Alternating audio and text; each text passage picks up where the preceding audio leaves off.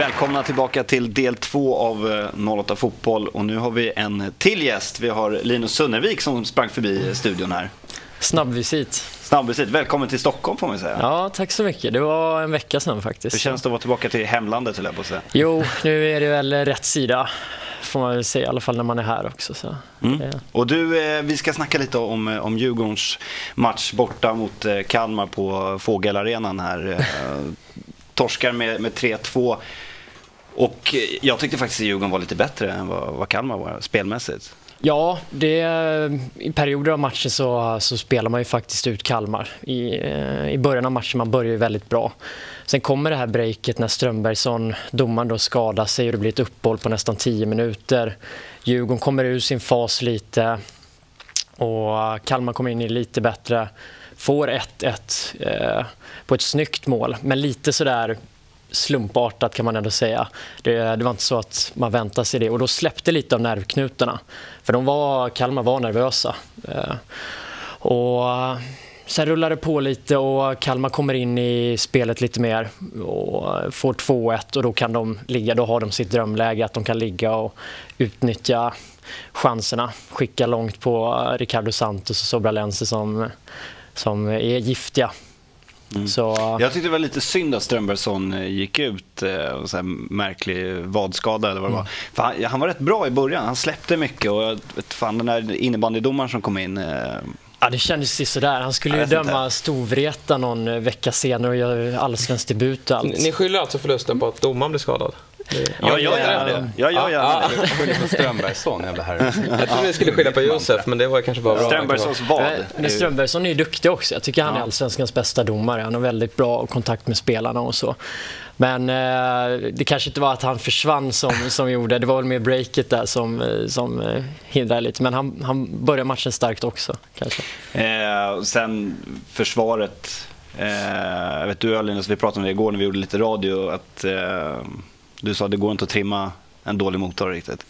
Nej men så är det. Alltså Jona Toivio kan bli en eh, mycket bra allsvensk back. Han är helt okej okay nu också. Det känns som att han har tagit ett kliv bara under vintern. Att han känns som att han har kommit in i kostymen lite bättre och agerar lite mer som en ledare i Djurgårdens försvar. Men eh, bredvid honom så har man ingen mittback som håller idag. Eh, det har vi sett, det såg vi i fjol och det har vi sett på två matcher lite redan i år. Det var väl ingen liksom, skandal i derbyt men jag tycker det är där får vi se om Galej som är uppsnackad kan bli rätt kille att gå in. Jag tycker det har sett tveksamt ut nu.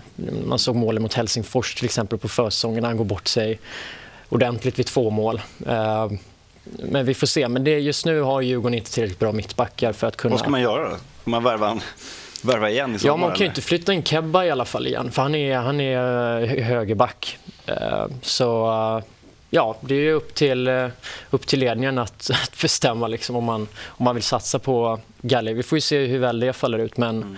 annars behöver man förstärka till sommaren om man vill. Man har ju som ambition att bli topp 6. Mm. Det känns lite som att Djurgården har tagit lite lätt på det här problemet med tanke på att man, man har pratat mycket om att man ska sätta ett bra grundspel och att, att passningsspelet ska sitta och man har ju ett väldigt skickligt inne mitt fält och har spets framåt också men så länge man inte bygger bakifrån och har ett bra försvar så tror jag att Djurgården eh, får svårt att nå den här topplaceringen.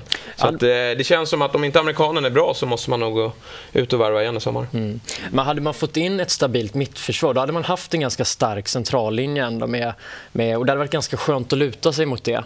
För Daja och Kasper är, är två bra. Nanne sa ju det att han tyckte de var allsvenskans bästa innermittfält och det är Ja, där kan man tycka... Hör ni det?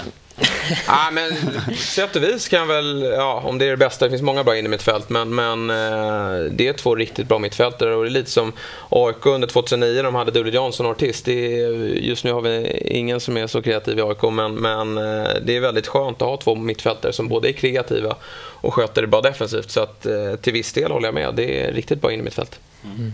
Så här är det stort, Kalle Björk gör allsvensk debut och mm. gör mål direkt. Det, det är rätt stort. Ja, jag undrar vad han... Eh, vad, vad, som rör sig i det huvudet. Man får komma in i en sån där match på, på en ny arena och, och, och göra mål eh, liksom på det där sättet. Han liksom får upp den i krysset. Det ser ut som den tar på smalbenet nästan. Men, eh, men det är kul. De är, som vi har sagt tidigare, Djurgården menar allvar med sin talangsatsning nu för första gången på, på länge. Så det, det är kul att se att de kastar in honom när, det, när de ligger under med 3-1 och, och jagar. Så. Men det är en eh, ganska tuff eh, vecka det här. Nu är det Malmö på fredag. Eh, Malmö är storfavorit i den matchen. Det kan ju vara så att Djurgården har en poäng efter tre omgångar. Mm. Det är, visst, det är inte så jättestora mm. förväntningar på dem, men det är inte bra. Alltså. Ja, det är jobbigt, det är det. Sen blir det spännande att se mot Malmö nu. De gjorde sin bästa match i fjol. En av sina bästa matcher i fjol mot Malmö. Och jag tror Djurgården alltid lyckats spela bra mot, mot bättre lag så att säga när de har när de, när de har sluppit den här pressen, Gais, Trelleborg hemma, man ska vinna och lyckas inte luckra upp försvar och så kommer en kontring. Det där klassiska som vi har sett så många gånger. Mm. Så uh, det kan nog bli en uh, sevärd match uh, mot Malmö tror jag, för, även för den neutrala åskådaren. Tror jag. Mm. Vi ska snacka om ett annat Stockholmslag och AIK som gjorde hemmapremiär eh, igen nästan eh, mm. och eh, fick möta Mjällby eh, som ni fick även möta förra, förra året i, i premiären. Och nu blev det 3-0 istället för 0-0 som ja, förra året. det blev faktiskt 0-0 gånger två förra året. Vi spelade även 0-0 på mm. Strandvallen och eh, man trodde väl långa stunder att den här matchen skulle sluta 0-0 igen men så eh, blixtrade Viktor Lundberg till och, och även Tetter då, kort därpå. Så att, eh, det var riktigt skönt att få med sig tre poäng och, och få göra lite mål för att det, det är det det handlar om. Ni vart ju våldtagna i, i första halvlek ja, enligt en viss person. Vilket skämt. Det, det är alltså, uh, nej, men man, får ju, man får ju förstå fröken Gran numera. För det är ju så att han har ju alltid haft behov av att synas. Mm. Och nu när han har varit runt i varenda land och inte lyckats platsa så är han ju i lilla Mjällby och då, mm. då är ju Råsunda en av de arenor där han får synas. Och då gäller det ju att passa på att synas. Eh, en, Fan vad du tycker om honom. Vad sa du? Fan vad du tycker om ja, honom. Men alltså, jag tycker det är otroligt löjligt när man, när man varit på plats och sett matchen. Ja, Mjällby rullade boll i första halvlek. Men man var ju inte över planhalvan. Man stod och rullade i backlinjen och, och AIK avvaktade. Och man hade i stort sett inte en målchans att spela matchen. Eh, och, och våldtäkt för mig, om man ska använda sådana grova ord i fotbollssammanhang, det är ju när när Barcelona vinner med 8-0 mot Almeria eller, eller så. Så att jag tycker att det är... Men som sagt, han, han vill synas och få rubriker och det får han ju. Förra året så var det att han pussade mot, eh, mot Norra ja. när han gick av. Hur, hur var det nu? Fick han någon så här... Alltså, vi, det drogs igång en ramsa om man sjöng om att han var Britney Spears på läktaren. Mm. Så att han var ju ganska grovt hånad och det var ju kul mm. att följa honom för jag tror Mjällby hade hörna då så han fick gå en ganska lång bit. Men mm. det gick ju inte. Han kunde ju inte göra någonting. Han, hade, han insåg det till och med själv att det hade varit för pinsamt för att han hade ju hållit på och skrikit under hela matchen och tjafsat med eh, AIK-spelarna i stort sett. Och han är ju skicklig. Eh, men, men det är ju så med Mjällbys spel. De, de, de tänker ju rätt. De vill ju rulla boll och vill vara spelförande. Eh, men det händer inte så jättemycket framåt. Speciellt nu när El Kabir inte verkar vara med mentalt heller. Han har ju också jobbet. Så att, eh, nej, de, de, som sagt, de, de rullar boll och jag tycker AIK man kan säga så här, nej, men AIK gör ju ingen spelmässigt bra match. Vad man är, vad man är van med på att, att AIK är på Råsunda när man möter Mjällby. Då, då hoppas man ju och tror att AIK ska föra spelet. Men det känns inte riktigt som att vi är där ännu spelmässigt. Vi, vi har en bra defensiv, men det kommer ta tid innan vi, vi får igång eh, rullet. Då. Så jag tycker AIK, man avvaktar och, och, och satsar istället på att ställa om snabbt när Mjällby går ja, bort för, för AIK har ändå inte hållit nollan i två raka ja. matcher. Det, är ändå, det säger någonting. Ja men verkligen och jag tycker att man såg det på hösten att försvarsspelet börjar sitta. Backman har ju blivit en general och nu kommer Milosevic in och gör det riktigt, riktigt bra. Eh, som sagt, släpper inte till mycket. Turin är, om vi jämför med våren förra året, då vi hade en, en finne där bak som inte var riktigt lika trygg. Inte tala illa om finnarna. Nej, nej, det ska vi inte göra men, men, nej, men man och jag var, var en trevlig prick, men inte särskilt bra målvakt då, mot slutet. Mm. och eh, ja, nej, det, det, är ett lugn, det är ett lugn eh, där bak. Eh, men det finns ju givetvis saker att jobba på framåt. Men då får man också ta hänsyn till att AIK saknade Mohamed Bangura. Eh, och att AIK skulle ha tre mål utan honom, ja, det gav nog bra på. Då var det en annan Bangura som gjorde två, ja. två mål istället. Var, eh, då kan man ju undra, är han lika bra som Mohamed Bangura? Det är han inte. Eh, långt ifrån vill jag säga. Eh, jämför man de två utanför boxen så är ju Mohamed klasser bättre. Eh, Tette har lite problem med touchen och, och är lite svag i kroppen. Men, men inne i boxen är han ruskigt het och, och en, är faktiskt en bättre avslutare. Och på så sätt så tycker jag att det är en jättebra värvning för de två tillsammans kan, kan, bli, kan bli riktigt, riktigt bra. Ja, det var det jag tänkte fråga. Så ja. har, har du sett någonting de tillsammans? Alltså, de, har inte spelat, de var ju borta lite på, jag såg en del liksom. på försången men någon gång var de borta på landslagsläger och nu mot Djurgården fick de inte spela till, ja de fick spela lite mot slutet då och nu var ju Mohamed borta. Eh, men absolut, de hittar varandra bra och de kompletterar varandra till spelstilen. Mohamed ska ha mer en fri roll och, och glida runt eh, och hitta ytor medan Tette ska ligga högst upp och hugga och det ser man ju på avsluten att det är, det är en eh, riktigt bra avslutare och det är, sådana finns det få av i Sverige och AIK har ju inte haft en sån avslutare sen ja, jag vet inte, jag vet inte vem man ska ta som exempel. Christer Mattiasson kanske. Men eh, jag tänkte bara en kort grej. Eh, Milosevic han får eh, en jäkligt, jäkligt ful tackling ja. där med dobbarna rakt i ansiktet. Ja. Borde inte varit rött kort? Eller? Jo, alltså det är svårt att se där jag satt på Västra men, men eh, när jag ser den i efterhand så tycker jag absolut, är man uppe med dobbarna så högt upp mm. så tycker jag nästan att det ska vara ett rött kort och, och reprisen är riktigt grov. Så att, eh, nej, det, det var nog, och det blev ett jäkla liv efteråt där Gran var fram och tjafsade och tyckte inte att det skulle varit gult. Då, men, men givetvis så skulle det ha varit ett, ett rött kort tycker jag. Det märks att Jesper är rätt fin. Han sitter på Västra och sitter i kostym här. ja, bra det var. Ja, nej, men Västra har man suttit. Men nu sitter han på pressläktaren längre. Utan nu är jag nere och skriker lite på, på uh, bland de vanliga. Så sitter, nu sitter du Ja, det är betydligt roligare. Jag satt ju faktiskt, drog ni upp senast tror jag, men jag satt ju bredvid Björn på ett derby. Mm. Jag förstod inte riktigt vad du ville när du frågade om platsen bredvid var ledig. Men vi lyckades komma överens ganska bra, men det var kanske för att det slutade 0-0 också. Ja, halvmysigt resultat kanske, jag vet inte. Eh, några som inte gått så bra. John, du har ju varit väldigt så harmonisk med de första programmen den här säsongen. fått checka upp dem på orden alltså. Nu ska vi prata om, om, om Vargarna från BKV Norrtälje, som du kallar dem i en väldigt rolig intervju. Ni kan se den på fan-tv. Eh, jag kan säga men inte det är den mest redigerade intervju jag någonsin har gjort. Jag, jag, står, jag står och bara skakar av ilska. Jag försöker få fram orden för att jag vill i alla fall få till en bra intervju. Jag, det hjälper inte för mig att stå och skälla på Roger Sandberg. Det har inte jag mycket för. Jag, jag kan inte göra det, men jag, jag hade så otroligt svårt att få nu. fram frågorna. Liksom ställa vettiga frågor för att reda på vad fan vad hände. Jag, ska inte sparka på någon, på någon som ligger nu, men det är ett jäkla antiklimax. Det är liksom en så lite pre-säsongstart möta BK Norrtälje, känna så här, ja men det här blir väl typ 5-0, åker samling på en sån här rolig idrottsplats och lite så här bra sammanhållning och så blir det 0-1. Mm, ja, det, det, det, skulle, det, kunde lika, det borde ha blivit 5-0. Hammarby är fullständigt överlägsna hela matchen, precis som det ska se ut spelmässigt. Eh, vi har två mål som är bortdömda. Det ena säger de som stod nära sa att det var helt felaktigt, det andra vet jag inte. Eh, Christer Gustafsson missar helt öppet mål från en och en halv meter. Jag vet inte, det ser ut som att det är lim på bollen. Han sätter foten på den så stannar bollen där istället för att fortsätta fram.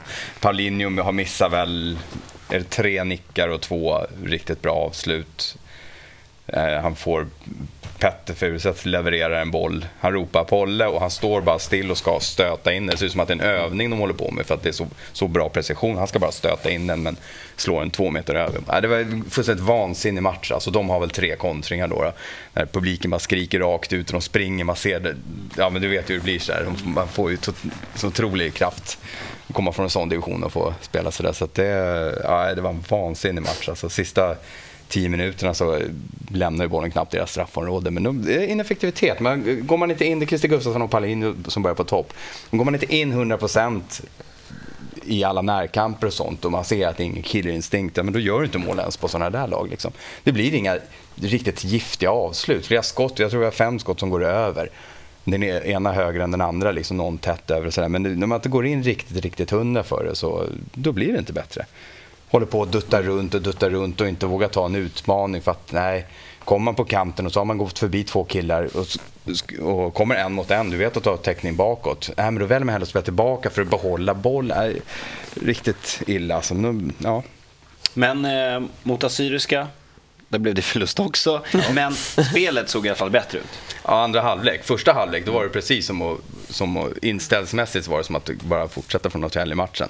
Det fanns mm. ingen killinstinkt överhuvudtaget. Den enda gången som vi slår fem passningar på raken, det är när tre man i en triangel försöker bli av med en assyriska spelare. Han jagar och jagar. De, det blir inget mer kreativt att de spelar runt den för att han ska sluta jaga. Istället för att liksom bredda sin blick och sådär. Det, det, finns inget organiserat alls i första halvlek. Vi har en jättechans att Björn Lundström väljer att slå med friläge med vänster istället för höger. Och en frispark i stolpen av Andreas Dahl, stenhård. 1-1 eh, där så hade det, liksom, då hade det varit riktigt bra. Men jag, jag kan ju tycka att 1-1 kunde ha varit ett, ett rättvist slutresultat. I andra halvlek så tar ju Bayern över helt och hållet. Man ser direkt att Assyriska är... De har ju aldrig vunnit mot oss. Vi har vunnit alla matcher, kanske något kryss någon gång, men vi har, de har ju aldrig besegrat oss förut. Så man ser ju på dem att det, de varit lite nervösa där i andra. Paulinho eh, bänkad och sen spelar de HTFF-match eh, dagen efter där. Och det var någon snack om hjärnskakning där, jag vet inte om det var så allvarligt. Men eh, ingen jättebra start för Paulinho. Eh, nej, men det var, jag tror att, alltså, att de bänkade honom och valde att starta med Castrotell och Björn Rundström är nog bara rent taktiskt. Eh, det finns ju olika kombinationer där hur du kan spela och Carlos Gaete eh, som offensiv mittfältare då. då. Eh, och det tyckte jag kändes okej okay från början. att det borde passa bra. Men Paulinho och Kast eller Rundström och Castrotello hade ju ingen som helst samarbete. Och det hänger lite med att göra att mittfältet inte heller kom in i matchen då. Det går för sakta. Den där planen är ju väldigt trög också. Man kanske skulle ha vattnat den lite grann. Man får inte igång något, inte alls något kreativt spel. Simon Häll var kanon i genrepet men han var väldigt osynlig på sin kant också. Det, dåliga prestationer av många av spelarna och ingen kreativitet någonstans. Även om Assyriska Ja, det är som alltid. Så här kommer det vara i år. Att Harry Slaiten är absolut bäst på plan. Han har ju Messi-känsla i sina dojor. Alltså helt galet. Men han har ju fortfarande pingislunga. 70 så, 70 så står han ju och flåsar ja, ja. och, och Ali blir markerad. Liksom. Men det är ju lite mm. oroväckande med, med Hammarby då, för er eller inte för min del såklart. Men eh, det är ju att det ser lite likt eh, ut fjolåret. Då. Det finns ju, alltså, jag tycker att Hammarby har den bästa truppen i Superettan. Men att Sandberg eh, och Franzén heter deras tränare nu för tiden va? Eh, de har inte satt ett grundspel riktigt eh, i laget. Och det tror jag man är i behov av. För det finns ju väldigt mycket kvalitet. Om man kollar bara på AIK då, när de gick upp så, så nu ska vi säga att det kan ju komma, det här var ju första matchen så det är jäkligt tidigt att döma det. Men AIK började ju väldigt svajigt där 2005 men sen såg man ändå att Nording, de fick in ett, verkligen ett grundspel. Mm. Eh, och då den här individuella och... ja, självförtroendet och sen gick man ju på som en maskin. Eh, jag tror Bayern måste hitta det ganska snart för sen mm. blir man nog riktigt svårslagna för man kommer ju se vad, vad Runström och, och Paulinho vad de kommer bidra med. Men det är inte bara, man kan inte bara ta sig upp genom individuell skicklighet. Så bra är man inte. Utan det måste sitta ett grundspel och försvaret måste bli stabilare. Mm. Mm. Vi får snacka mer om, om Bayern i del 3. Nu måste Linus springa iväg på journalistiskt grävande arbete. Tack för att du var med Linus. Tack för att jag fick vara med. Och du får gärna komma tillbaka. Eh, vi är strax tillbaka med del 3.